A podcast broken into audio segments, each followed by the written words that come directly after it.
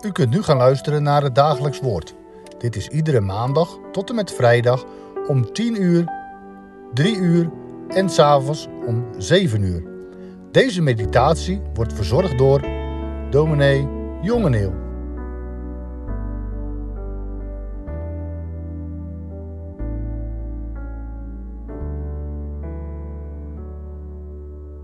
Goedendag luisteraars.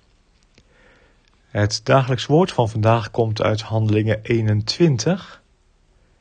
We lezen vanaf vers 15 tot en met vers 20. Daar staat: En na die dagen maakten wij ons gereed en gingen naar Jeruzalem. En met ons gingen ook enigen van de discipelen van Caesarea mee. Die brachten een zekere Mnason van Cyprus mee, een oude discipel bij wie we te gast zouden zijn. En toen we in Jeruzalem aankwamen, ontvingen de broeders ons met blijdschap. De volgende dag ging Paulus met ons naar Jacobus. En oude ouderlingen waren daar gekomen. En nadat hij hen begroet had, verhaalde hij tot in bijzonderheden wat God door zijn bediening onder de heidenen gedaan had. En toen ze dat gehoord hadden, prezen zij de Heer en zeiden tegen hem: U ziet, broeder, hoeveel duizenden Joden er zijn die geloven en ze zijn allemaal ijveraars voor de wet. Tot zover, daar breken we de schriftlezing af.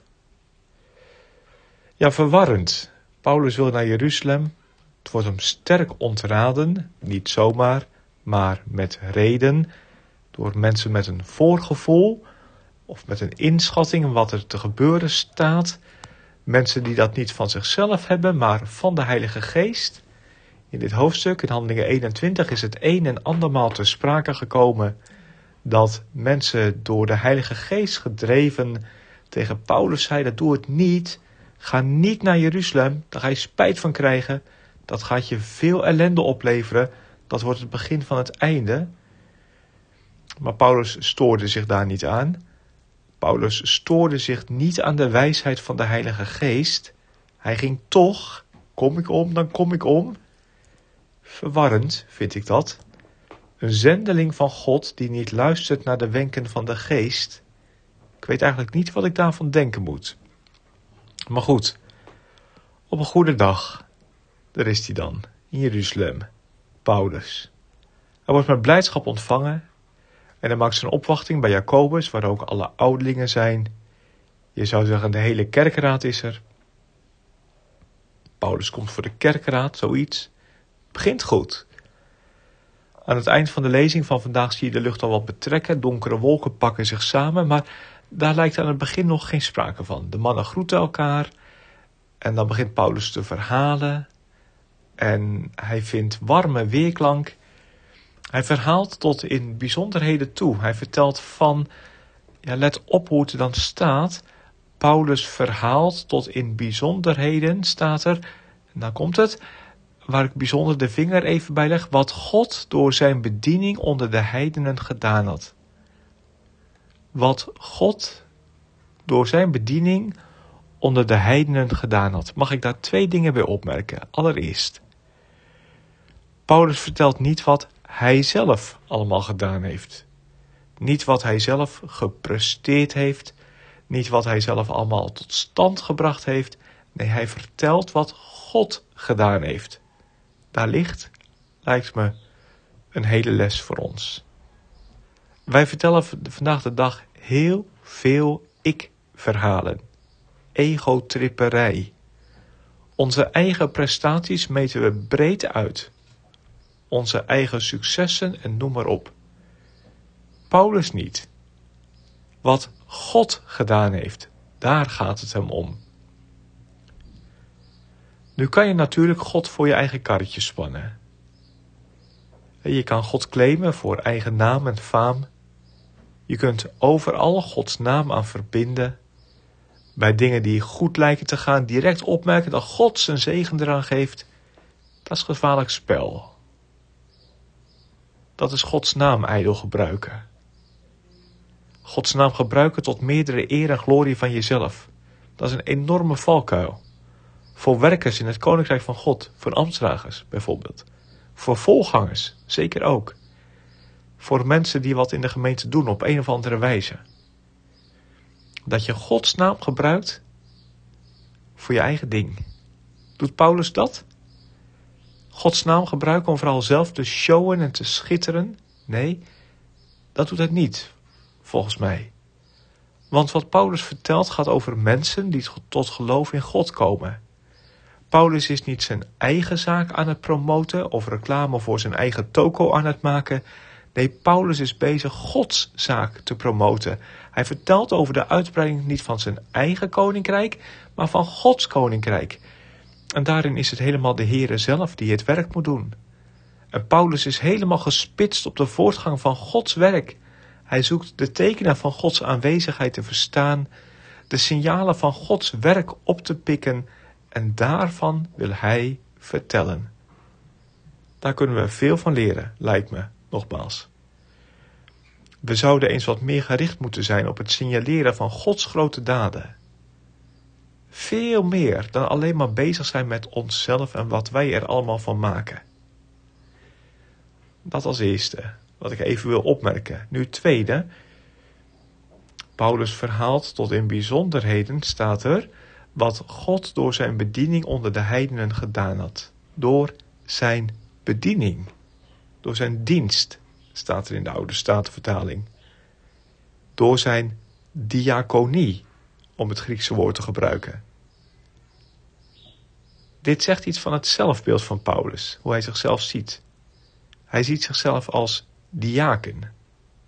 Niet als de grote apostel, niet als de gevierde zendeling, niet als het baasje, niet als het heertje of meneertje, niet als, nou ja, noem maar op. Hij ziet zichzelf helemaal als iemand die in dienst staat van, in dienst van God, at your service, tot uw dienst. Gericht op de wenken van boven, klaar om de bevelen van de Heer uit te voeren in gehoorzaamheid, in dienstbaarheid. Dus niet zelf aan de slag, op eigen houtje, met eigen verzinsels, met eigen agenda, met eigen programma, maar altijd, heren, wat wilt u dat ik doen zal? Ook daarvan kunnen we veel leren. Hoeveel blijft er in uw leven over? Als je nou alles wegsnijdt wat niet is gedaan in de dienst van de Heren? Hoeveel blijft er over als je weghaalt wat niet is gedaan in liefde tot Jezus? Bent u al oprecht aan Gods dienst verbonden? Op eigenwillige wegen rust geen zegen. Maar wie in de dienst van God is, daadwerkelijk de Heere dient, die mag zegen verwachten en zal vast tot zegen zijn. Tot zover mijn tweede opmerking. Wat God door zijn bediening onder de heidenen gedaan had. Wel verwarrend moet ik gelijk erbij zeggen. Want deze apostel die zichzelf ziet als een dienaar van God, een diaken, negeert dus wel de wenken van de geest. Als mensen door de geest gedreven tegen hem zeggen, ga niet naar Jeruzalem. Maar hij gaat wel. Soms is het allemaal wel wat ingewikkeld.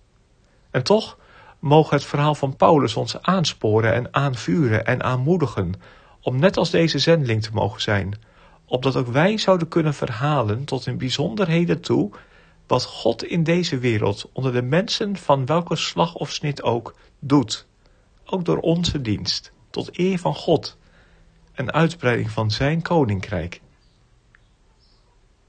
Laten we samen bidden. Neem mijn leven, laat het, Heer, toegewijd zijn aan uw eer. Maak mijn uren en mijn tijd tot uw lof en dienst bereid.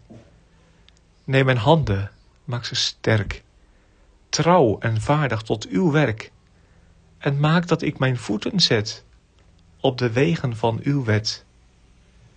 Neem mijn stem, opdat mijn lied u, mijn koning, hulde biedt Maak, o Heer, mijn lippen rein, dat ze uw getuigen zijn. Neem mijn zilver en mijn goud, dat ik niets aan u onthoud. Maak mijn kracht en mijn verstand tot een werktuig in uw hand. Neem mijn wil en maak hem vrij, dat hij u geheiligd zij. Maak mijn hart tot uw troon, dat uw heilige geest er woon. Neem ook mijn liefde, Heer. Ik leg voor u haar schatten neer. Neem mijzelf en voor altijd ben ik aan u toegewijd. Amen.